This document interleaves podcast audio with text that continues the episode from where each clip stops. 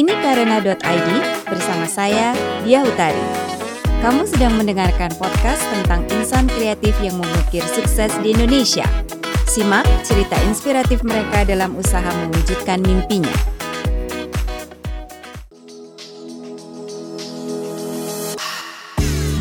Siapa saja di sini yang masih ingat perjuangan saat kuliah?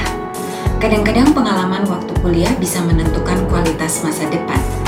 Kali ini saya akan ngobrol dengan Hidayat dan sang mantan pacar, Mira, yang mulai merintis bisnisnya sejak di bangku kuliah. Ikuti cerita sukses Carousel, sebuah clothing brand asli Jogja.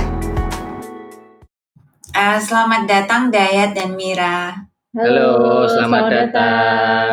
Uh, terima kasih waktunya ya, ya untuk ya, uh, karena juga sudah diundang juga di podcastnya karena di Iya, untuk yang mewakili Yogyakarta sementara ini. Ya, terima kasih. Hmm, thank you. Jogja gimana kabarnya sekarang?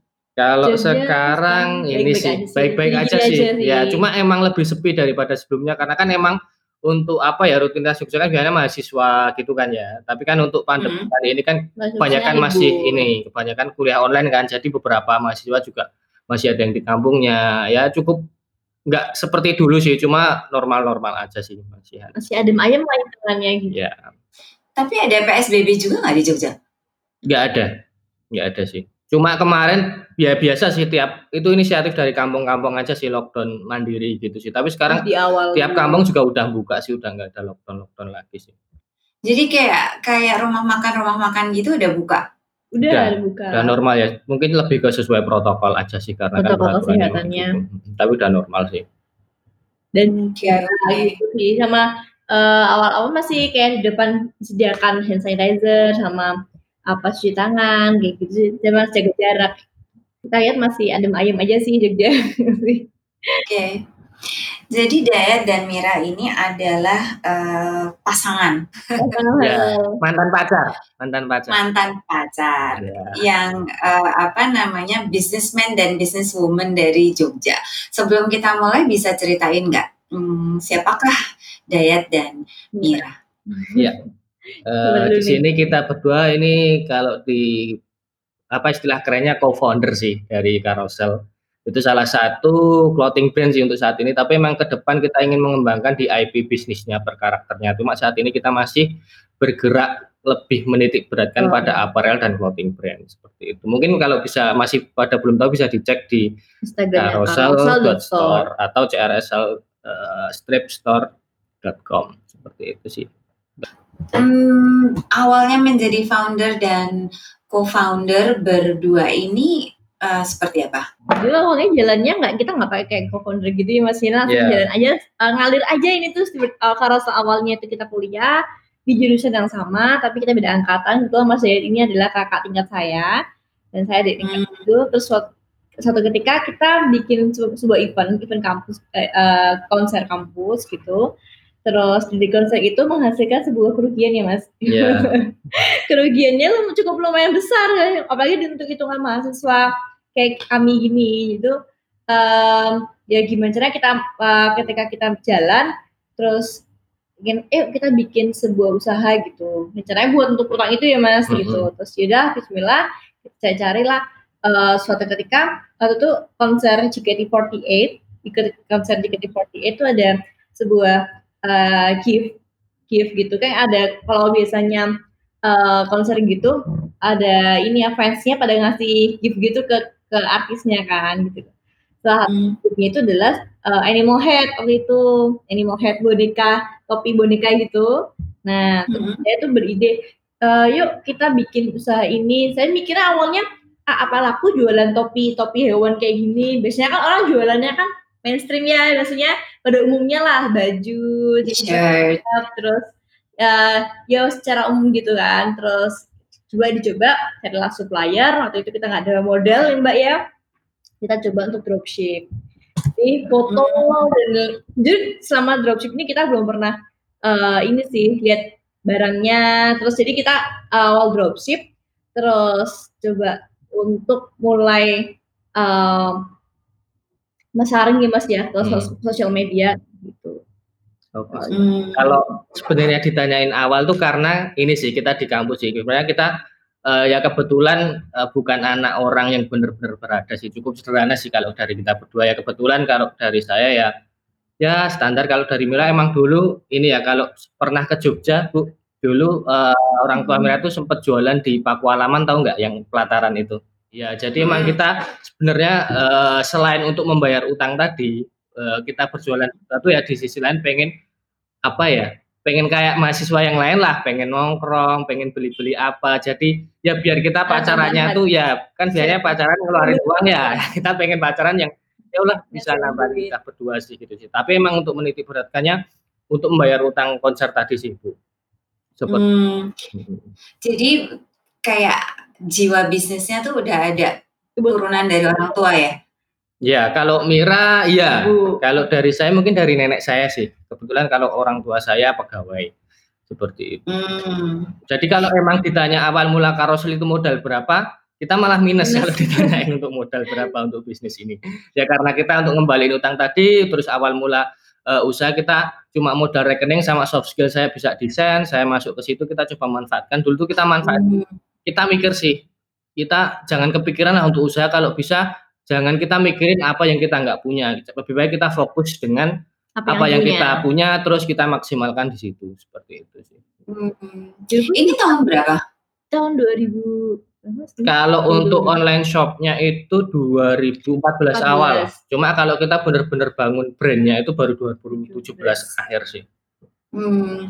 Tadi Mira sempat ngomong tentang dropship di 2014 itu kan konsepnya belum seperti sekarang ya. Memang banyak anak-anak muda yang mengambil kesempatan lewat itu. Nah, dulu di 2014 itu awal mulanya gimana? Oh. Bisa dapat konsep dropship? Uh, konsep dropship ya karena tidak ada modal itu sih ya Mbak awalnya. Terus uh, karena kita cari cari apa dari dropship itu kebetulan kita udah bisa ngumpulin modal. Nah dari modal itu kita bisa uh, stok barang, baru kita sampai sekarang bisa bikin barang uh, produk sendiri gitu. Dari karena awalnya nggak ada modal itu, karena kalau dropship ini kan sistemnya kita dapat apa? Istilahnya dapat foto dari supplier ya mbak ya. Jadi kita cuma istilahnya kayak mak maklar gitu ya mas ya. Gitu gitu. Hanya kita mainin. Jadi awalnya foto dengan foto apa adanya dari supplier ini, terus diedit, di diedit sama Mas Daya, didesain semenarik mungkin, terus coba kita uh, waktu itu lewat Facebook, lewat uh, sosial media lainnya kayak gitu. Uh, marketplace hmm. juga sempat kayak buka lapak, terus uh, sampai akhirnya kekumpulah modal gitu sedikit-sedikit. Awalnya tuh kita beli apa mas? Buat modal selanjutnya tuh beli handphone juga yeah. ya iya. untuk buat buat ngadminin karena bener-bener karena kita semua uh, kita handle semua sendiri gitu sampai sampai saya ketika kuliah pun juga balas sebagai customer service saya uh, balas-balas ke customer kayak gitu. Jadi bener-bener pernah di titik apa ya saya jadi mahasiswa saya juga saya harus mengurusi usaha kita sendiri gitu. Jadi pernah sempat kalau orang-orang di mana kuliah itu setelah uh, setelah balik kampus kelar itu uh, pulang gitu kita masih ngurusin dagangan, masih bawa apa masih packing, masih uh, ke ke kurir kayak gitu. Jadi COD juga dulu kan ada apa sih zaman COD ya Mbak ya jadi kayak benar-benar menikmati banget sih usaha ini dari nol gitu. Kalau sebenarnya mulai kenal bisnis itu karena dulu sebenarnya sebelum usaha ini tuh uh, Mira tuh sempat bisnis dropship yang itu loh, apa tas-tas Cina yang dari Batam tuh loh. Dulu sempat itu tuh. Hmm. Nah, jadi kita saat itu mengenal sistem oh dropship itu seperti ini ya ya walaupun dulu baru mengetren tak kita ya cuma mikir karena the power of kepepet tadi itu pengen bayar utang punya penghasilan ya wis lah. Oh dulu kan pernah kayak gini cobalah kita ada inspirasi jualan animal head itu tadi kita cari supplier bisa nggak kira-kira itu sistem dropship? Dan ternyata hmm. bisa seperti itu. Jadi kita naik naikin margin keuntungan aja tuh kuliahnya kuliah apa?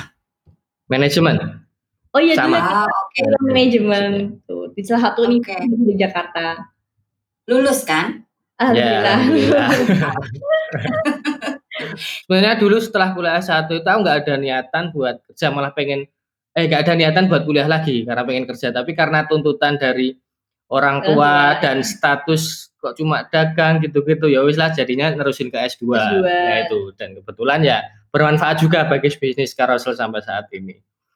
Oh, jadi jadi setelah lulus S1 dagang terus tetap ambil S2 dan yeah. dagangnya nggak putus. Mas ambil S2 yeah. saya saya masih di ini apa masih ngurusin gitu kita akhirnya berkembang lah gitu. Jadi ketika S2 ini kan Mas Dayat banyak banget sih Papa uh, istilahnya skill apa tambahan Mas Dayat jadi lebih ilmunya juga terutama untuk kayak marketing kayak gitu. Jadi kita jadi semakin terbuka. Oh, saya sering ceritain Mas Dea juga. Kalau uh, kalau di kampus skills dapetnya gini gini gini. Oh, gitu Mas. Coba dong kita coba untuk carousel kita nggak cuma barangnya gini-gini doang. Coba kita uh, inovasi. Jadi saya juga ikut terbuka. Saya ikut jadi ikut belajar juga gitu ketika hmm. masuk S2 itu. Jadi sampailah akhirnya uh, kepikiran untuk uh, kita di branding itu ya Mas hmm. branding carousel itu akhirnya kita khusus nggak itu kan dulu animalnya banyak ya mbak uh, hmm. dan produk lainnya nah sekarang sekarang akhirnya punya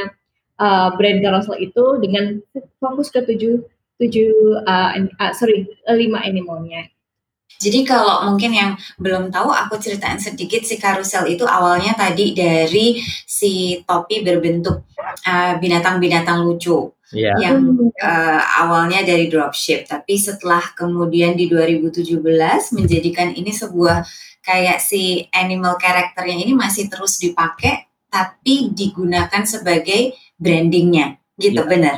Tapi kita mengambil itu yeah. Penuh dengan kepepetan juga lagi, bu. Sebenarnya ini bisnis organik, hmm. bisnis bener-bener. Oke. Okay. Pada saat itu hmm. kalau diceritain sih, karena saat itu kita dropship tuh, kita ngambil barang-barang itu, kita ngambil barang yang istilahnya belum tren lah di di di kalangan anak muda karena mana mau sih orang-orang dewasa pakai topi-topi boneka itu kan dulu kan pada nggak mau gitu kayak gitu nah kita dulu ya berarti ceritain Mbak Mira tadi sempat event di event JKT ada yang ngasih gift ke uh, apa idolnya itu terus kita kepikiran ah di Indonesia kayaknya belum ada ada yang jual ini terus saya uh, mengacu karena dulu sempat kalau tahu Piwe Gaskin dan Pudel Smoker Bu Nah, hmm. kan dia kalau perform dulu sering pakai topi-topi panda, topi-topi hewan. Nah, aku kepikiran di situ, oh ini kayaknya pasarnya enak nih, dia punya fanbase luas PW Gaskin itu, tapi hmm. kalau kayak orang-orang Indonesia tuh bingung gitu loh mau beli aksesoris kayak yang uh, apa artisnya tuh di mana kan dulu kalau tahu harus impor lah dan sebagainya harus mahal. Lah kita ngambil peluangnya di situ ibu. Kita coba manfaatin fanbase-nya terus kita nembusin eh, cari-cari supplier dan kita masuk. Dulu kita sistem marketingnya kan belum ngetren. Endorse ads itu belum ya bu ya? Dulu kita mm -hmm. di Facebook Facebook itu grup-grup itu kita masuk satu persatu. Di grup misalnya ada drop uh, fanbase-nya yang kota mana kota mana kita share uh, fotonya kita hmm. bener cari ini sih mengambil bola bener-bener sih dulu jadi pertanyaanku ada dua. Pegasin hari ini masih ada nggak sih? Masih. Cuma emang oh, dia masih. ini sih apa? Uh, udah ciri khasnya udah sedikit berbeda. Mungkin lebih pendewasaan juga kan bu dari para personilnya dan. Hmm. Jadi, Terus pertanyaan kedua, jadi memang betul waktu itu betul-betul ngelihat kayak berarti si PW Gaskin ini kayak semacam di balik semua ini adalah kayak semacam influencer nggak nggak secara jelas-jelasan ya karena tadi bilang masuk ke dalam Facebook uh, grupnya itu benar uh, fansnya mereka. Iya, kita masuk di grup-grup fansnya mereka. Kita tembakin, kita promokan dan sebagainya. Seperti itu. Hmm. Nah, terus kenapa kita bisa milih karakter itu? Nah, karena itu semakin lama semakin ngetren dan kita kan jeleknya di pengrajin yang sebelumnya kita ambil kan ya biasalah nggak ada kontrak, nggak ada lain sebagainya. Nah, terus yang sebelumnya penjual lain yang ngambil di pengrajin kita itu ikut-ikutan jualan barang kayak kita. Terus kan hmm. sekarang kan terus ada di Lembang ada, di Dieng Wonosobo itu ada yang topi-topi hewan. Nah, yang awal mula kita karena dropship kita ambil margin yang cukup gede tujuh puluh ribu. Nah, terus penjual-penjual yang ngambil di tempat dia itu cuma ngambil sekitar 25 jualnya dua puluh ribu. Nah, itu kan kita saat itu sebenarnya ya kita itu salah satu apa ya pelajut bagi saya sih biar terus inovasi sampai kapan pun. Nah, itu di saat itu wah aku mikir wah gila ini gimana ya caranya kan kita nggak mungkin kan terus uh, tiba-tiba kita jual 70 kita banting harga 23 ribu itu kan nggak mungkin banget kan kita main banting-bantingan harga yang selisihnya cukup jauh padahal barangnya hmm. sama dan uh, para penjual yang yang sebelumnya nggak jual itu yang jual itu di marketplace pun mereka ngambil foto-foto kita nah hmm. padahal produknya sama nah di situ pas karena ada hidayah juga pas kuliah S2 itu tadi kalau uh, menurut Michael Porter kan untuk menangkan kompetisi kan ada tiga strategi ya Bu ya, ada niche market, ada di ada low cost strategi sama diferensiasi. Nah kebetulan karena kuliah itu tadi, pas saya dapat pelajaran itu, aku mikir, "Oh iya ini pas kondisi kayak gini usahaku mau gimanain sih?"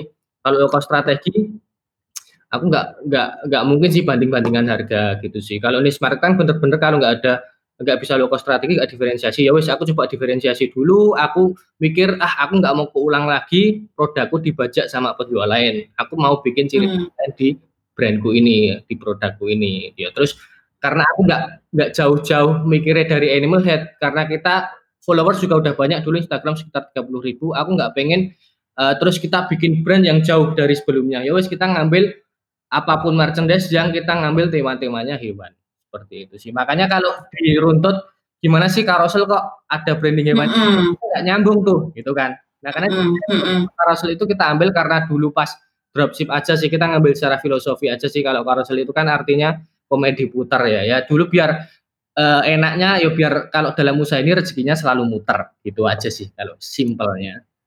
Oh menarik. Eee, aku mau tanya, tadi mau mikir tunggu sebentar, aus. Nah soal peluang. Pada pada, mmm, kan tadi kayaknya ceritanya simpel banget, karena waktu JKT48 itu, eee, ngasih gift gitu kan, terus, eee, dihubungkan sama Pegaskin melihat bahwa ada fanbase yang sangat besar gitu, tapi kok bisa 1 tambah 1 sama dengan 2 itu gimana ya? Itu nggak tahu sih, makanya kalau ditanyain Carousel itu bisnis apa ya, bisnis bener-bener bisnis hidayah sih, makanya semua yang sampai saat ini terjadi itu tiba-tiba terbesit dan kita lakukan. Makanya sebenarnya aku kalau bilang sama teman-teman, sebenarnya ide itu sampah sih, makanya kalau kita dapat ide harus langsung dibuang aja, kita realisasikan, seperti itu sih. Mmm, oke. Terus, eee, dari mulai, eee, apa namanya, menjual si topi animal tadi, terus, eee, kemudian menjadi brand, eee, Carousel dan ingin terus membawa si animal eh, tema animal ini ke, eee, dalam brand Carousel dan menjadi clothing kayak fashion dan lain-lain, itu dapat, eee, apa ya, kayak semacam, eee, bahwa ini berubah menjadi fashion, eee, jual clothing dan lain-lain, dari mana strateginya?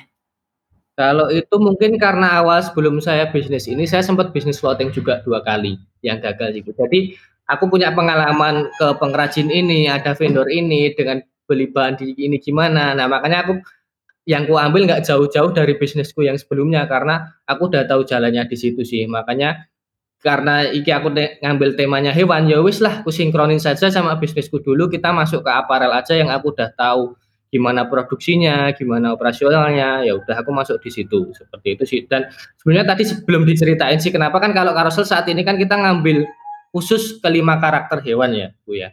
Ada Mmm. nama-namanya juga dan ada sifat-sifatnya juga. Sebenarnya, Mhm. eee, itu nggak semata-mata kita ngambil, "Oh hewan ini ini ini ini," gitu nggak sih. Dulu pas awal mula Mmm. kita, mmm, pembeda itu kita semua hewan kita masukkan di di aparel kita. Ada dinosaurus, ada koala, ada gajah dan Ada sebagainya, monyet. dan itu sebenarnya cukup cukup, apa ya, diminati, demand-nya cukup baik juga sih. Cuma karena dulu kita mikirnya kita masih berdua, ini operasion eh, ini produksi kita masih jadi kacau nih kalau kayak gini kan, misal kita bikin sweater 5 warna, terus karena semua hewan kita masuk, ada gajah, terus dari konsumen tuh ada yang request nih, Ah, sama yang paus. iya, yang yang paus tolong sweater yang warna ini dong, yang ini warna ini kan, ini kan repot juga dan kita diproduksi. Nah, di situ kita analisis terus, kita nggak bisa kayak gini, kita analisis kira-kira hewan yang Hewan paling yang laku itu paling apa sih, lah. paling favorit, paling se sering dibeli itu apa.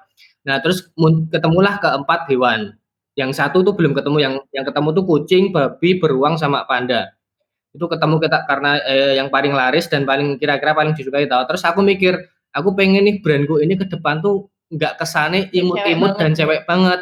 Aku pengen, eee, ngasih sesuatu hewan atau karakter yang kira-kira cowok itu mau pakai. Nah, terus aku Mmm. request lagi sih, balik lagi ke dulu, kan aku dulu seneng gambar-gambar grafiti itu ya, Bu, ya. Aku dulu Mmm. mengidolakan kalau, eee, ini namanya The Yellow Dino sih, itu karakter grafiti yang cukup terkenal sih di Indonesia. Aku dulu mikirnya, "Loh The Yellow Dino itu kan karakter lucu dan kuning," gitu, Mhm. tapi cowok-cowok tuh pada banyak yang nge-fans di situ. Ya wis lah, terus aku narik, oh kira kayaknya ini karakter dinosaurus ini bisa untuk mewakilkan ke cowok-cowok nih. Nah, aku kasih pembedanya kalau dia warnanya kuning, aku warnanya hijau. Nah, terus ketemu hmm. karakter hewan itu tadi. Terus setelah pemilihan itu, aku bingung juga Bu untuk menamain. Ini kayaknya karakter mau dinamain kalau namain cuma animal hand Eh, nama hewan-hewannya aja kayaknya kurang menarik deh. Misal panda, ya panda. Itu kayak nggak ada identitasnya. Nah, aku bingung sih, bingung itu namanya gimana ya. Nah, aku mikirnya karena Instagram kita followersnya juga udah lumayan, udah puluh ribu. Ya wis lah gimana kalau kita ngadain kalau sekarang istilahnya giveaway ya. Kita, ng hmm. kita ngadain giveaway siapa yang uh, bisa ngasih nama yang oke okay buat hewan-hewan kita dan kita pilih, kita kasih hadiah dan kita pakai terus hewan-hewannya. Nah, aku juga mikir di situ kita bisa jadikan mereka juga media promosi dan brand ambassador kita secara gratis kan Bu. Jadi uh, sampai hmm. sekarang pun yang menamain dan menang mendap apa yang menamain kita menang di giveaway itu sampai sekarang masih follow kita sampai saat ini. Dan hmm. Ada yang pakai foto profilnya itu foto profil hewan yang dia namain si Cilo itu. Nah itu sebenarnya kita misi kita juga biar nanti apabila brand kita besar mereka yang ikut menamain itu benar-benar bisa ada rasa kepemilikan dan ada bangga juga dia pernah menamai hewan-hewan kita dan, dan secara nggak langsung mereka menjadi apa ya agen kita untuk mempromosikan ke teman-temannya, hmm. ke saudaranya dan lain sebagainya. Dan sampai saat ini ya itu, kucek kemarin mereka masih follow kita sampai saat ini.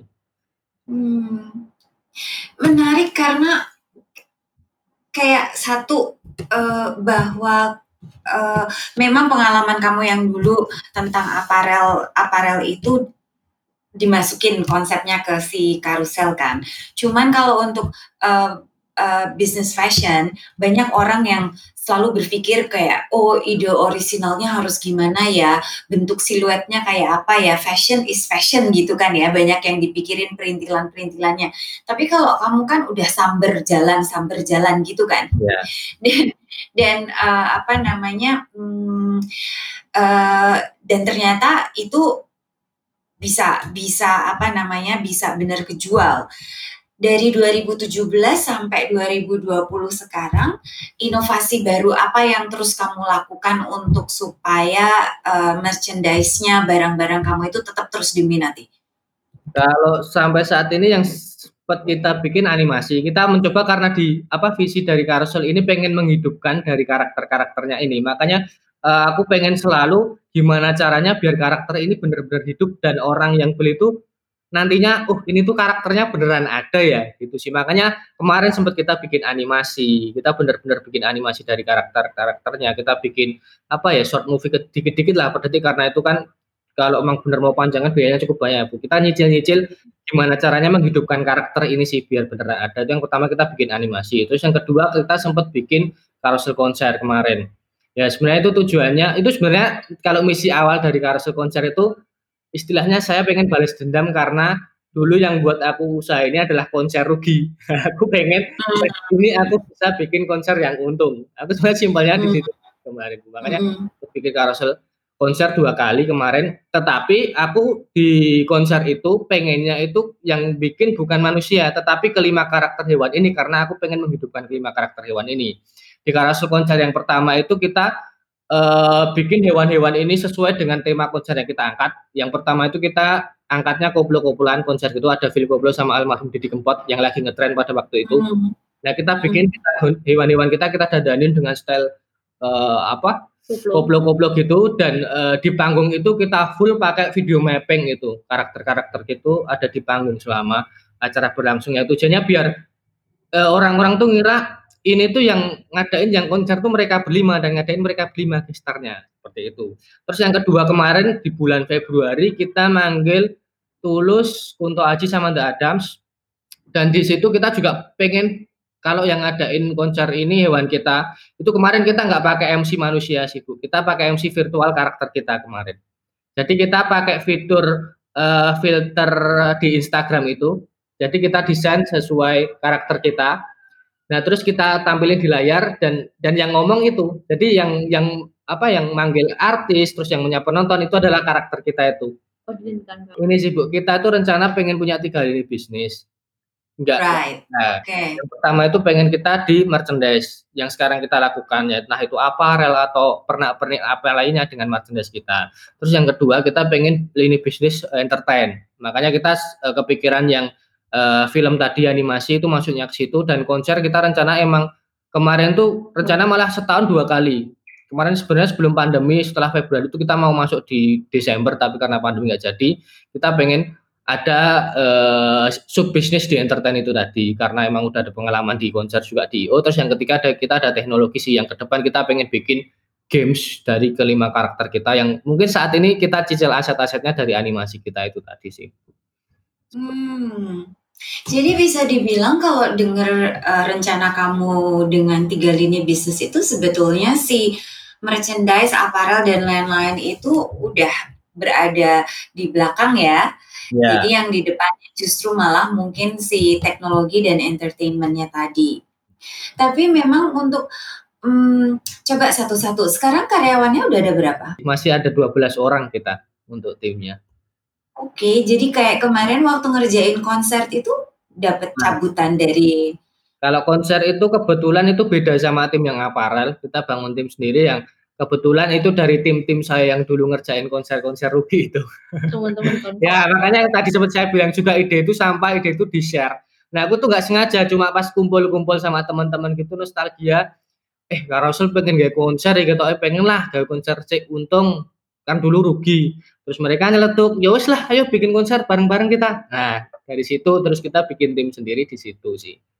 Hmm, waktu pertama kali bikin yang uh, dengan lima karakter itu, animonya seperti apa? Jual tiket? Yang konsernya? Iya. Konsernya kita jual tiket semua, Jadi kita mencoba apa ya? Ya karena kebetulan followers kita di Instagram di Jogja cukup banyak ya. Kita walaupun yang pertama masih Jakarta, terus Bandung, baru ke Jogja yang ketiga, tapi ya cukup banyak lah untuk menarik uh, sekitar 2000 3000-an orang untuk masuk ke konser itu cukup banyak. Makanya uh, dalam pemilihan artis itu kita juga harus menyesuaikan yang lagi ngetren pada saat itu biar antara followers kita juga masuk ke konser terus orang yang nggak tahu kita tapi pengen lihat artisnya itu juga bisa masuk ke konser jadi kita kombinasian di situ sih untuk pencarian artis. Hmm, dan untung. Ya untung dan hmm. malah kalau dan alhamdulillah malah uh, ternyata tiket-tiket yang kita jual itu malah lebih mahal daripada uh, pasaran-pasaran yang pada umumnya. Kita di Kempot kemarin di UGM itu, padahal kita konser Jumat, Minggu itu ada di Kempot juga, di tempat yang sama, kita jual tiket 100 ribu, yang hmm. setelah kita itu cuma 40 ribu, dan kita sold juga sebelum hari H, seminggu sebelum hari H. Karena kita emang hmm. di konser itu menjual keunikan sih kita jual konsep mulai dari marketing yang kita pasarkan di uh, carousel konser itu di awal-awal kita emang jual itu sih kita jual euforia, jual konsepnya gimana, nggak cuma lihat gestarnya. Kita emang nampilin kayak mappingnya kita kita apa? Kita floor di awal sebelum acara sih. Hmm, ide ini datangnya atau ada panutan nggak pada saat melakukan konser ini dengan mapping dan lain-lain? Apakah udah pernah ada yang melakukan di Jogja, di Indonesia atau di luar atau ini idenya 100% dari kamu?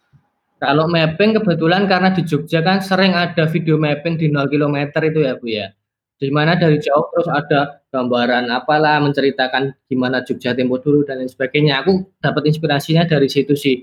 Uh, apa uh, gimana sih kalau itu diterapin di konser kita? Itu yang pertama di konser yang pertama. Terus yang kedua itu sebenarnya kepikirannya ada MC virtual itu karena pas saat itu penjualan tiket masih rendah. Kita budget MC nggak hmm. ada. Gimana nek kita budget MC kita alihkan MC-nya kita buat yang se inilah semurah mungkin ya usah karakter aja yang jadi MC ntar yang di belakang layar siapalah kita cari teman seperti itu sih sebenarnya the power of kepepet lagi yang kita gunakan Oke, menarik. Dan kalau untuk yang teknologi udah sampai di mana sekarang? Teknologi masih belum kita sentuh sih Bu saat ini hmm. karena memang kita masih fokus kedua itu karena apa SDM kita masih terbatas untuk sumber daya modal juga kita masih terbatas kita emang teknologi kita belakangan sih paling belakang sih emang urutannya kita merchandise baru entertain baru nanti teknologi kan apalagi di masa pandemi gini juga kan emang kita lebih genjot lagi sih balik lagi ke merchandise mau nggak mau karena untuk konser juga nggak bisa kan lebih ke situ. Hmm. Oke, okay. kalau pembagian kerja antara Dayat dan Mira gimana? Kalau untuk saat ini, terutama setelah saya um, ini ya selesai lahiran sih, itu uh, lebih ke pelimpahan tugas saya udah saya jadi ini di, dialihkan ke kita udah angkat store manager dari admin kami. Nah itu sih, hmm. kalau, lebih sekarang saya lebih bantu dikit-dikit sih mbak, karena fokus saya sekarang udah karena udah punya baby ya, bener-bener ternyata jadi seorang ibu tuh apa ya istilah full schedule-nya tuh udah full banget ngurus anak, ngurus rumah, ngurus bantu-bantu usaha gitu. Hmm. Jadi hmm. saat ini untuk bagian tugas Mbak Mira ini lebih ke doa. sekarang ya. Tapi mabrur kok doanya. kalau uh, uh, lalu kalau untuk uh, apa namanya bisnis uh, si merchandise sama si konser dulu di dulu sebelum pandemi dan sekarang uh, pandemi pembagiannya kayak apa in terms of business contribution?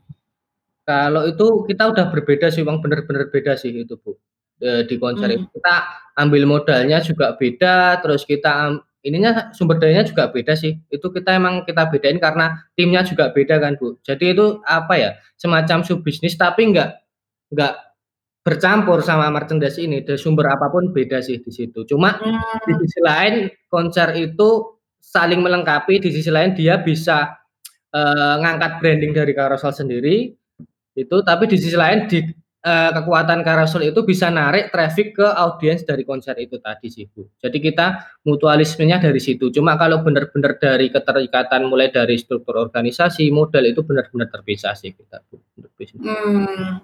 Kalau ngomongin modal dari tahun 2014 sampai hari ini ada suntikan dari luar atau benar-benar dari hasil kamu yang diputar diputar diputar? Kalau kita emang benar-benar hasil dari diputar, diputar sih. ya dari situ semua kita makanya eh, karena kita dulu trauma dari hutang itu tadi sih Bu yang konser itu hmm. tadi kita emang bergerak nggak pakai hutang sama sekali saat ini karena kita ya itu ya semampunya ya semampunya kita alon-alon tapi harus kelakon. Hmm. Boleh diceritain nggak gimana caranya supaya bisa berputar terus? Ya, kalau di Carousel sendiri sebenarnya eh, aku sama Mira ini sisi menempatkan sebagai investor juga sebagai eh, pegawai juga di Carousel. Jadi tiap bulan itu kita ada dividen eh, juga yang buat kita berdua, tapi kita sebagai pegawai juga dibayar di situ. Dan yang lainnya uh, masuk ke perusahaan lagi untuk laba ditahan. Jadi kalau awal mula dulu mungkin untuk persentase laba ditahan dan dibagi kita masih sekitar 80-20 ya Bu. Jadi misal awal mula itu kita emang benar-benar dari dulu memang kita pisahkan dari apa yang kita konsumsi sama yang buat perusahaan. Kalau dulu awal kita 80 untuk untuk apa laba ditahan baru 20% buat konsumsi kita berdua dan gaji kayak gaji-gaji kita berdua.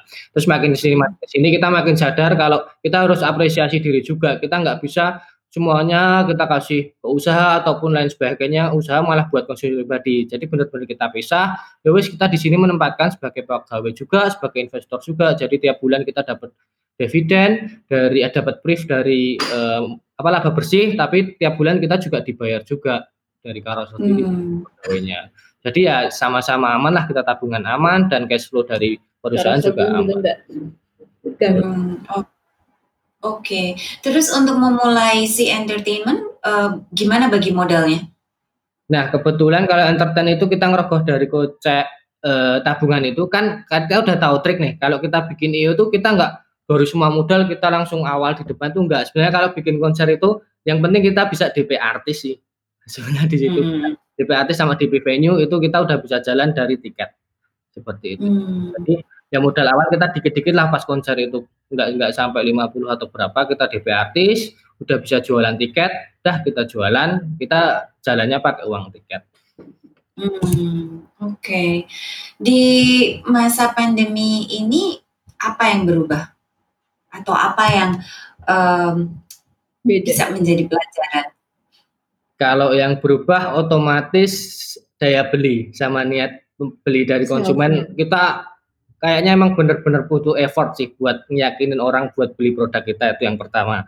Terus yang kedua secara iklan ternyata nggak tahu sih ini bener atau enggak, tapi aku lakuin terus sama teman-temanku tanyain untuk ads di beberapa apa ya media sosial itu lebih mahal dari sebelumnya atau mungkin karena emang sekarang terus banyak orang yang iklan ya jadi emang kita biddingnya emang apa ya berlomba-lomba sama yang lain jadi iklan lebih mahal di situ sih dua itu sih sebenarnya yang yang apa ya yang cukup berpengaruh di kita sih saat hmm. pandemi ini.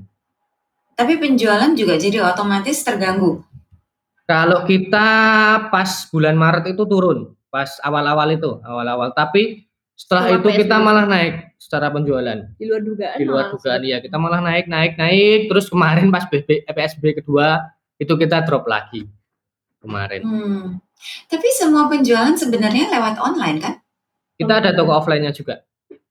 Di Jogja aja? Ya, di Jogja aja. Hmm. Dari offline dan online yang besar pastinya dari online kan? Ya. ya. Kita Terus offline kenapa sekitar sekitar 30 persen 20 persen sih cuma offline itu. Hmm. Terus kenapa dipertahankan si toko? Kalau kita lebih apa ya buat uh, ini apa konsumen kita yang di Jogja sih buat buat terima konsumen kita di Jogja biar kita nggak misal cuma online aja kan kadang buat uh, gosen buat kirim-kirim itu kan cukup memberatkan juga kan bagi konsumen. Hmm. Rata-rata orang konsumen Jogja tuh uh, dulu pengen lah dia nyobain barangnya, terus lihat pengen langsung. lihat langsung dan kita pengen narik juga yang sebelumnya nggak tahu lewat, terus tahu produk kita dan lain sebagainya lebih di situ sih. Sama lebih ke apa ya? Ke branding juga kali ya kan orang lebih percaya kalau kita punya toko offline juga sih. Hmm. Kalau aku perhatikan mungkin sekarang Carousel itu udah dua, tiga, empat, lima langkah di depan uh, clothing clothing line dengan uh, kamu menggunakan karakter dan gimana sih karakter-karakter itu berinteraksi di sosial media juga kan. Un, kayak itu menjadi menjadi apa ya senjata untuk uh, berada di depan para kompetisi atau atau gimana? Kalau kita lebih ke mencoba memaksimalkan identitas kita sih Bu dan apa ya mengurangi orang yang menduplikat kita sih karena dulu pengalaman yang topi hewan itu kan diduplikat. Sebenarnya aku awal mulanya di situ. Aku pengen uh, brandku ini nggak ada yang yang seenggaknya nggak ada yang niru bener-bener plek gitu sih. Jadi hmm. kita coba olah di situ. Makanya kemarin kita bikin animasi itu sebenarnya ada faktor juga. Ada beberapa orang yang ada beberapa bukan orang siapa? Brand lain itu mulai ikut-ikutan dengan mulai ngadain sayembara, terus dengan ada karakternya muncul, terus ada sifat-sifat itu dia mulai naik gitu. Aku sempat dulu sempat pus apa ya dipikir emosi. pusing juga emosi. Oh, kok brand ini bikin ini ini ya. Terus aku akhirnya sadar uh, kita nggak bisa sih mikirin itu. Kalau kita bener-bener pengen fokus ke usaha kita mending kita terus fokus lari aja. Kita nggak usah nengok. Malah mereka nggak bisa ngejar. Karena kan oten, apa otentik dari brand kita kan kita yang tahu juga kan. Makanya kita coba maksimalin aja. Kalau mereka coba ngejar ya wis kita terus lari kita gas. Di situ maksimalin sih. aja sih iya lebih ke situ aku itu uh, backgroundku itu kemarin sekitar hampir 12 tahun kerja di Nike. Okay. Jadi uh, salah satu yang tadi kamu yang tadi kamu share itu memang apa yang kita lakukan juga di di Nike. Jadi uh, our competition is ourself uh, intinya gitu. Jadi kayak brand lain mau melakukan apa, it's just a noise. Yang penting kita uh, fokus dengan apa yang mau kita uh, jalankan sih intinya gitu. Karena kalau mikirin kompetisi kan memang nggak pernah habis-habis ya. I mean it's good to know orang lain sedang melakukan apa. Tapi at the end of the day menajamkan identitas kita yang tadi kamu bilang itu ya memang sebuah strategi yang uh, menurut saya ya memang uh, banyak dilakukan oleh brand besar. Malah kadang-kadang ada ada orang yang berpikir bahwa kalau brand kamu itu sudah ditiru oleh orang lain, artinya you make a difference in the market kan sebenarnya orang udah memperhatikan you're doing the right thing gitu. Uh, terus jadi untuk pesan kamu supaya sebuah bisnis itu bisa bertahan lama itu apa ya? Kalau aku mungkin set goals bisnismu itu apa? Itu paling penting sih Bu, karena orang tuh kadang kalau mulai bisnis dia setelah cari cuan-cuan dia bingung, aku tuh mau ngapain lagi ya untuk bisnis ini. Makanya kalau ada sebenarnya kan dulu kalau orang awam-awam kan wah ngapain sih visi misi kayak terlalu formalitas dan sebagainya. Tapi kan sebenarnya itu adalah pokok penting dalam kita usaha. Jadi kita uh, tahu gitu loh apa yang kita kejar itu apa, terus langkah-langkah yang buat ngejar mimpi besar kita itu apa. Seperti itu sih kalau lihat dari saya. Jadi kita harus punya tujuan yang jelas untuk bisnis kita itu apa. Kalau Karusel sendiri tujuan besarnya apa? Kalau kita menjadi brand kebanggaan anak muda dengan kelima, kelima karakter hewan kita sih. Makanya apa pun itu kita yang kita tonjolin kelima karakter hewan kita. Inovasi yang apa pun kita lakukan tetap kita push kelima karakter hewan kita. Makanya sempat bikin konser itu kita mikirnya pokoknya harus ada kelima karakter hewan kita gitu sih. Jadi emang visi misi kita di situ sih. Bu. Kita pokoknya dari brand kebanggaan nasional ataupun global tapi dengan, dengan kelima karakter hewan kita. Hmm. Kan banyak juga anak-anak muda yang mengedepankan bisnis karena uang ya. Yang yeah. bisnis kan memang pada akhirnya ya mau mencari uang kan. Okay. Tapi kalau ditaruh di skala prioritas untuk diet sama murah, um, bisnis itu sebenarnya apa aja sih? Prioritas sebuah bisnis. Kalau prioritas untuk awal mula karena udah uh, berkeluarga ya saat ini tetap uh, keuntungan dari profit dari dari usaha itu sih Bu. Enggak munafik. Ya nggak munafik tetap di situ tadi sih. Terus yang kedua sebenarnya aku tuh uh, punya prioritas yang bantu-bantu kita yang yang yang kerja sama kita kalau kita benar-benar naik strata sosial mereka benar naik juga sih Bu. Itu sebenarnya ya kita uh, sampai saat ini mencoba memikirkan itu sih. Jadi kita mencoba kira-kira uh, orang ini bias gimana sih biar uh, kesejahteraannya juga naik. Kemarin juga sempat uh, beberapa karyawan kita karena kita kan sering dulu pergi-pergi ke luar negeri juga kita ngasih reward juga ke mereka ayo sana gantian biar kita kalian bisa ngerasain kalian pergi ke luar negeri mereka liburan kita yang gantian kerja jadi bisa saling hmm. merasakan sih ya biar bermanfaat sih kalau usaha kita kebetulan selain dari uh, profit itu kalau bisa usaha ini bisa manfaat bagi orang-orang sih entah itu orang yang kerja sama kita atau keluarga-keluarga kita itu bisa bermanfaat. Hmm. Dua itu sih yang yang pokok kalau uh, kita untuk usaha. Karyawan kamu yang paling lama berapa tahun kerja sama kamu? Ada empat tahun kalau nggak salah. Tahun. Empat tahun. Oke. Okay. Soalnya kan dari awal kita baru full time itu baru sekitar satu setengah tahun dua tahun sih bu sebenarnya. Yang sebelumnya itu part time. Sebenarnya okay. untuk untuk yang keluar itu karena biasanya udah lulus kuliah. Jadi mereka cari hmm. eh, seperti itu sih. Makanya Tapi jarang sih yang mereka keluar gara-gara nggak betah. Nggak ada man, nggak ada. Gak ada sama sekali. Soalnya kita ada. ini apa sistem yang kita terapin tuh lebih ke apa ya? Kekeluargaan iya, tapi tetap kita yeah. tetap profesional buat kerja gitu. Seperti itu sih. Ketika Pak bosnya nggak galak. Enggak, saya enggak galak. Galaknya sama istri, Mas. Kalau pegawai ke saya kalau banyak yang kan yang enggak tegaan gitu. Cuma yang kejelasan sih ternyata dalam sebuah uh, leadership kalau saya lihat ternyata enggak uh, sempat juga kita ngeliat apa istilahnya terlalu kekeluargaan yang ada mereka kayak istilahnya menggampangkan ketika ada kesalahan oh nanti juga dimaafin nanti juga kayak apa um, diganti mama owner dan kita kasih apa rule-rule setiap evaluasi kita evaluasi kerja bagaimana ternyata uh, dari situ kita banyak belajar juga sih. Dulu awal-awal rekrut malah kita nggak tahu kita mau rekrut pegawai itu nanti jobdesknya apa aja gajinya mau berapa gitu. Jadi kayak semua itu berjalan kayak natural ya mas ya benar-benar belajar dari pengalaman soalnya kan kebetulan juga. juga kita belum pernah kerja sama orang juga kan. Jadi kita masih meraba hmm. gimana oh ini gimana gimana gimana masih seperti itu sih. Ada mentor nggak kita mentor ini Tuhan yang Maha Esa. Sharing sih lebih ya, sharing ke teman-teman yang punya usaha yang lebih oke, okay, kita sharing lebih ke situ sih untuk pembelajarannya. Tapi benar-benar yang mentor kita belum ada sih sampai saat ini. Mungkin nanti Budia bisa jadi mentor, jadi mentor. kita. Oh, insya Allah. Boleh.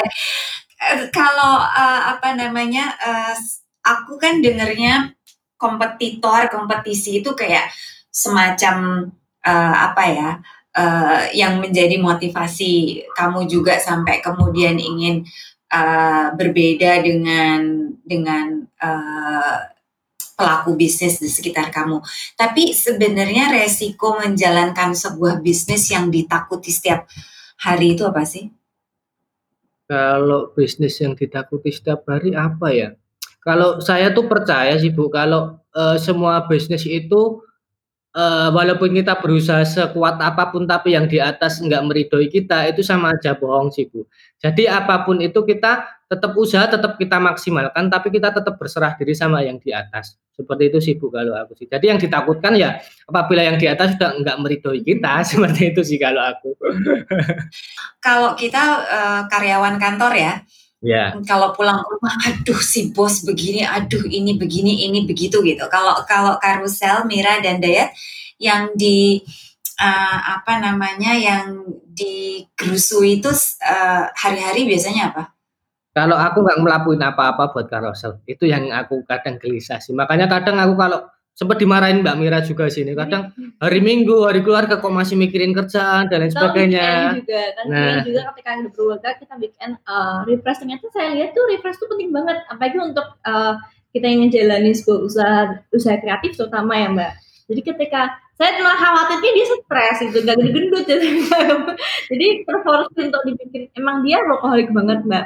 Jadi memang ternyata butuh semacam mungkin uh, semacam pendamping yang memang uh, istilahnya ngarahin juga ketika apa istilahnya jadi sebagai kontrol juga. Nanti kalau apa dia sebagai uh, dia punya ide apa biasanya saya saya yang buka.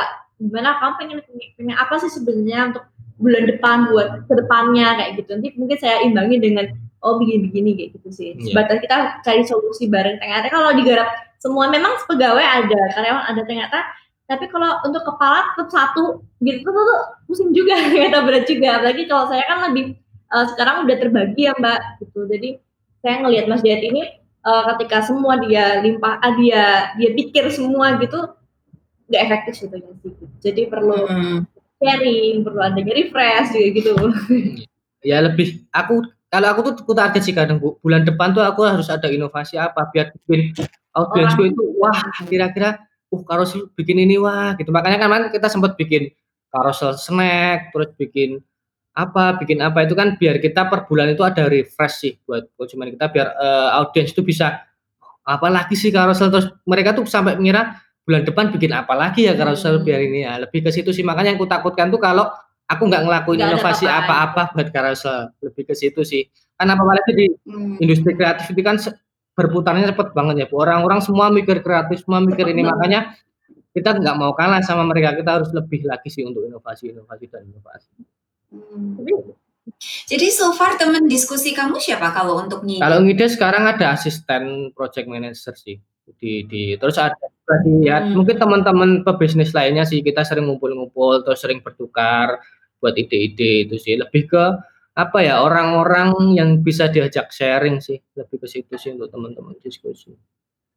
Tapi kalau aku dengar, uh, ide dan inovasinya lebih di seputar produk atau komunikasi atau marketing atau apa biasanya? Kita untuk saat ini masih produk sih, Bu. Tapi kita ini lagi mencoba kita benar-benar bangun story dari karakternya.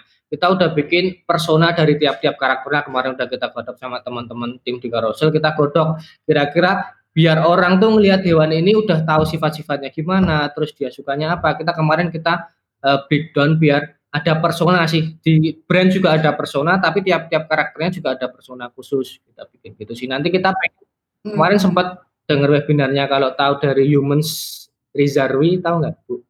Dia yang jual parfum barangnya dia dulu itu foundernya Nah Project sih. Gimana dia bangun, nah, oh, dia bangun okay. bisnis itu benar-benar dari cerita dari brand itu seperti itu sehingga menceritakan gimana gimana nah, kita tertarik untuk mengadopsi itu sih kemarin kita bikin persona bikin karakternya gimana biar orang-orang biar lebih dekat juga sama karakter kita Hmm.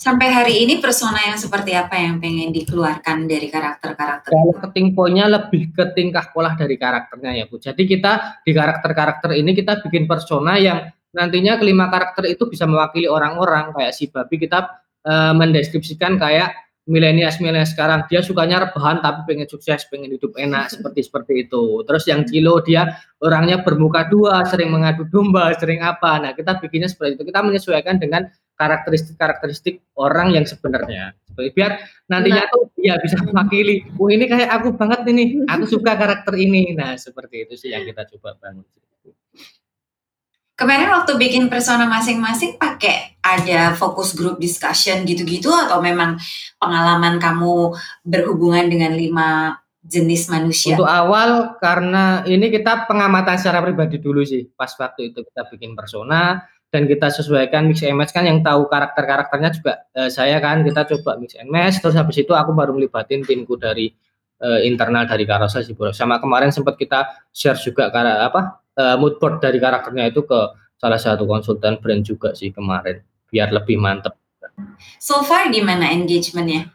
Cukup baik tapi di Instagram udah uh, ini belum kita launching ya karena emang kebetulan ke depan itu pas kita launching karakter dengan sifat itu kita pengen rebranding juga Carousel jadi CRSL karena uh, pas dua tahun lalu kita daftarin itu Carousel itu udah ada yang daftarin untuk mereknya pakaian bayi sih sebenarnya hmm. cuma kan kalau dari itu kan masih satu level ya dengan keseluruhan pakaian Makanya kita coba memberi branding menjadi CRSL. Mungkin kita antar pas meluncurin itu sekalian kita uh, ini ini brandnya sih. Karena kita sebenarnya juga pengen berubah itu karena kita diambang-ambang sama carousel yang aplikasi itu loh, yang L-nya double. Nah, kita diambang-ambang itu sih. Dari kemarin-kemarin orang kira, oh carousel ini, ini, ini, ini, sampai ada yang DM, kak bisa jualan baju pre-love itu gimana caranya?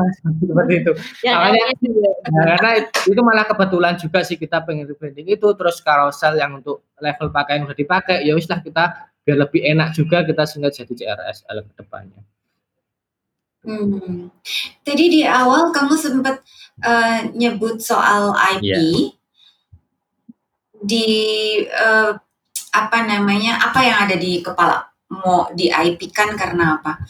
Karena pengen menjual karakternya itu sih karena sesuai dengan visi misi kita gimana kita nggak fokus pada satu barang ah, barang yang apa ya yang satu yang khusus gitu. Tapi kita emang bener-bener ngejual karakternya karena emang dari strategi yang saat ini pun carousel itu biasanya cuma ngambil apa yang lagi ngetrend di pasar kita tempelin karakter kita. Sesimpel itu sih bu carousel itu. Makanya sampai saat ini pun yang coba kita jual dari karakter-karakter itu gimana kita terus bikin nanti ceritanya gimana, terus bikin filmnya gimana. Jadi ke depannya pengen kita emang jualan dari karakter itu juga sih. Bahkan banyak juga yang uh, customer yang mereka sampai koleksi koleksi semua karakternya atau karakter yang dia paling sukai kayak gitu. Ya, kita coba Sampai ngasih pendekatannya di situ sih. Kita pendekatan ke konsumen juga. Misalnya kan emang kita di carousel ini kita setting ya yang kucing sama yang dinosaurus itu bertengkar.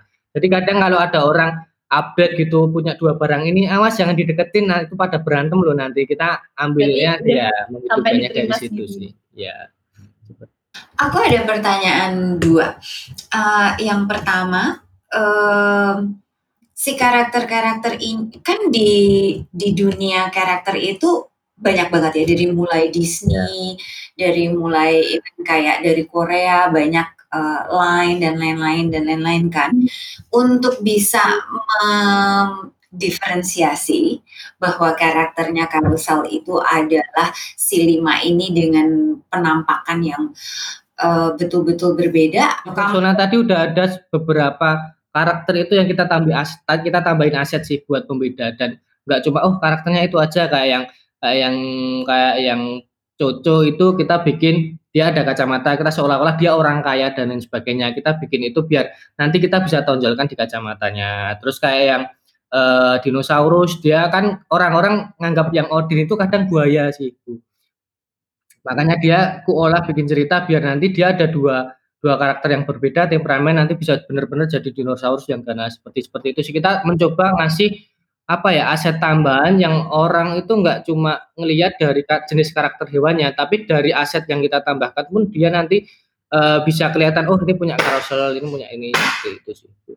Sebagai pengusaha asli dari Jogja, uh, kamu sudah nyaman dengan base di Jogja, uh, lalu melihat pasar Indonesia gimana? Belum sih, sebenarnya kita pengen nembus pasar Jakarta sih, terutama aku pengennya di situ sih. Aku pengen bikin uh, semacam kayak kalau di luar kayak land store itu ya bener-bener di situ tuh orang bisa main beneran sama karakter kita di situ. Karena kan untuk mengacu dan daya sampai saat ini pun untuk pasar terbesar kita Jakarta kita sebenarnya pengen masuk ya Jabodetabek kan masuk ke pasar situ sih Bu untuk untuk memulai kota-kota yang lainnya. Lebih ke situ sih. Jadi kita nggak hmm. puas dengan offline di sini. Kita pengen ngerambah bener-bener yang nantinya di Jakarta tuh bisa diperhitungkan juga brand kita. Atau ntar bikin uh, apa hmm. event khusus di mall apa, terus kita bikin bener-bener nyewa satu ballroom di mall, kita bener-bener bikin ada taman bermain, ada hiburan dari kita dan sebagainya itu sih. itu. Hmm, itu sudah ada di depan mata, udah ada di dalam laptop rencananya atau masih di kepala? Itu masih di kepala karena kita emang pengen acara Jogja sih. Kita sebenarnya sebelum pandemi itu pengen ini ngontrak di Malioboro karena kan kemarin pas kita kebetulan keluar itu pas di Jepang itu gimana sih atensinya orang-orang sampai ke land store gitu loh. Jadi orang yang ke Harajuku ke Jepang itu kok mesti dia pengen mampir di land store gitu terus foto sama buruannya yang gede. Aku pengen lihatnya tuh di situ. Kenapa di Jogja eh, sebelum kita mencapai nasional kita tonjolin yang di Jogja dulu orang-orang kalau ke Jogja ke Malioboro itu pengen ke carousel, carousel store kita bener-bener bikin di Malioboro itu bener-bener bikin Ya kalau di situ bisa main sama mereka. Sebenarnya langkah awal kita di 2021 sebenarnya itu sih sebelum pandemi. Tapi ya alhamdulillah sebelum pandemi kita belum sempat ngontrak jadi jadi belum ada itu yang ini kena kita. Masih di masih diridoi sama yang di atas. Untung masih di kepala. Untuk ke tapi uh, kayak misalnya di dunia eh the pop industry kan. Kayak kamu harus besar dulu di Amerika sebelum uh, kamu bisa. Jadi kalau kamu besar di Amerika kamu bisa besar di seluruh dunia kan yeah. gitu ya. Jadi mungkin kayak dari Jogja gimana caranya masuk ke Jakarta dan mengenalkan brand karakter dan lain-lain itu di di pusatnya Indonesia quote unquote ya.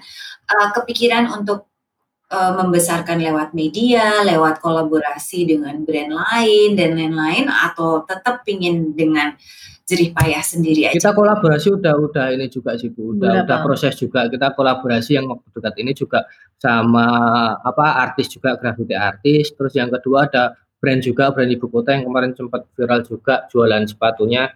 Terus yang ketiga ini lagi penjajakan juga sama salah satu brand minuman yang gede juga tapi belum boleh disebut namanya hmm. karena masih pembahasan. Nah, kita lebih ke kolaborasi-kolaborasi itu sih Bu untuk mengambil pasar ke, hmm. kota itu. Oke. Okay. Dan pada saat kolaborasi ini yang ditonjolkan sekali lagi si karakter-karakter ya, tadi kan? Dari sana. Oke. Okay. Untuk uh, apa namanya anak-anak muda yang mau mulai bisnis, apa sih yang harus dilakukan pertama. Kalian harus memetakan diri kalian sendiri juga sih. Kan kalau orang-orang katanya rata-rata kan orang kalau mau bisnis wah aku nggak ada modal ya aku nggak bisa ngapa-ngapain. Makanya kalau bisa kalian harus memetakan diri kalian sih. Kalian punya apa nggak punya apa terus kalian maksimalkan apa yang kalian punya terus gimana caranya kalian menutupi apa yang nggak punya. Seperti itu sih Bu. Simpelnya seperti itu sih. Kalau dari pengalaman kita berusaha seperti hmm. itu dan kayak sekarang tuh beruntung banget kayak sekarang apa-apa tuh bisa dengan mudah kita dapat terutama dengan uh, inspirasi yeah. terus fasilitas juga. Itu kayak sebuah man, apa peluang banget sih untuk memudahkan kita untuk usaha gitu. Jadi nggak nggak ada yang nggak mungkin sekarang. Nggak ada yang nggak kan biasanya orang apa yang usaha tapi ini tapi tapi tapi tapi. Nah itu kayak ini nggak usah karena ke depannya ternyata usaha itu sekeras itu. Di tengah itu kayak bakal menemukan menemukan banyak hal yang yang yang bikin kita tuh maju atau mundur atau tetap bertahan di tempat kayak gitu. Hmm. Kamu pernah merasa beruntung nggak bahwa kamu asli Jogja sehingga bisa melakukan ini? Iya, pernah ada ngerasa kayak gitu sih. Jadi sampai sekarang, ya, ya sampai sekarang pun ya karena kita bikin kantor di sini ada keberuntungan di sini. Terus alhamdulillah Dan pas kita pas kita posisi saat ini memudahkan kita dengan teknologi dimudahkan untuk jualan dan lain sebagainya itu sangat-sangat membantu sih kita karena hmm. ya walaupun untuk pengrajin Bandung dan Tangerang itu tetap banyak tapi ternyata di Jogja juga banyak-banyak sih pengrajin yang yang bisa kita manfaatkan UMKM. Tidak ada sama juga. Ya, ya walaupun untuk bahan baku tetap dari kalau nggak dari Bandung tetap dari Tangerang sih kita. Dan saya juga bersyukurnya lebih ke start kita sih Mbak di mana anak ketika ya. itu mahasiswa banyak juga yang tidak nggak kepikiran untuk kayak usaha gitu. Saya saya bersyukur di situ karena oh ternyata banyak banget setelah berapa tahun berarti ya mas ya? Yeah. sekitar enam tahun itu kita banyak belajar kita banyak oh ternyata jadi sekarang lebih lebih peka. Oh dalam usaha itu ternyata caranya tehatnya begini begini begini terus penangkap awal kita nangkap peluang usaha pun juga uh, lebih cepat juga saya ngeliat sih begitu. Sama saat ini ternyata lebih banyak lagi orang yang memulai usaha. Bahkan uh, mereka bahkan uh, awalnya bingung memulai dari mana dan sebagainya. Dan dari situ kayak kita uh, lebih bersyukur aja kenapa dulu kenapa nggak sekarang gitu karena ada ada hikmahnya di balik itu gitu. Yeah. Jadi kita banyak belajar hmm. di enam tahun ini. Terima kasih banyak, banyak banget yang aku pelajari dari percakapan ini bahwa modal bukan bukan uh, bukan segala-galanya dan mungkin ide dan inovasi yang harus terus ya sampai weekend mikir terus nggak istirahat ya mas ya semoga sukses dan uh, apa namanya uh, cita-citanya untuk ke ibu kota tercapai. Sebenarnya kalau cita-cita terbesar yang cita-cita nggak tahu ini atau enggak tuh kita pengen bikin carousel land sih. Jadi kayak semacam Disneyland tapi punya mm -hmm. carousel. Sebenarnya kalau cita-cita terbesar kita tuh pengen kayak gitu. Ya entah itu entah di Jogja atau Jakarta kita pengen suatu saat nanti punya taman bermain di situ yang membanggakan Indonesia ataupun orang-orang turis-turis internasional itu pengen ke sini karena pengen bermain di carousel land. Sebenarnya itu sih untuk cita-cita. Belum. Ya. Boleh sahang ya. Didoakan. Kalau kayak gini kerjanya pasti tercapai. Terima kasih Terima banyak deh ya, kesempatannya. The Power of Kepepet adalah tema bisnis karusel. Bermula dari sebuah kerugian, Hidayat dan Mira malah memanfaatkan momen tersulit menjadi sebuah kesempatan. Sampai hari ini, perkembangan bisnis karusel dimulai dari keresahan-keresahan Hidayat untuk selalu memberikan ide dan inovasi baru. Dia bilang, ide jangan dibuang, tapi langsung dikerjakan. Tidak hanya berhenti di pakaian, Carousel terus berkembang melaju ke lini bisnis entertainment dan teknologi. Dimulai dari satu ide, kemudian bercabang tanpa batas. Semoga mimpi mereka untuk mendirikan Carousel Land tercapai ya. Terima kasih sudah mendengarkan cerita dari pelaku industri kreatif kita. Terus dengarkan cerita baru setiap minggu, jangan lupa subscribe dan bantu sebarkan juga ya. Jika kamu ingin tahu cara memulai bisnis, yuk kunjungin www.karena.id.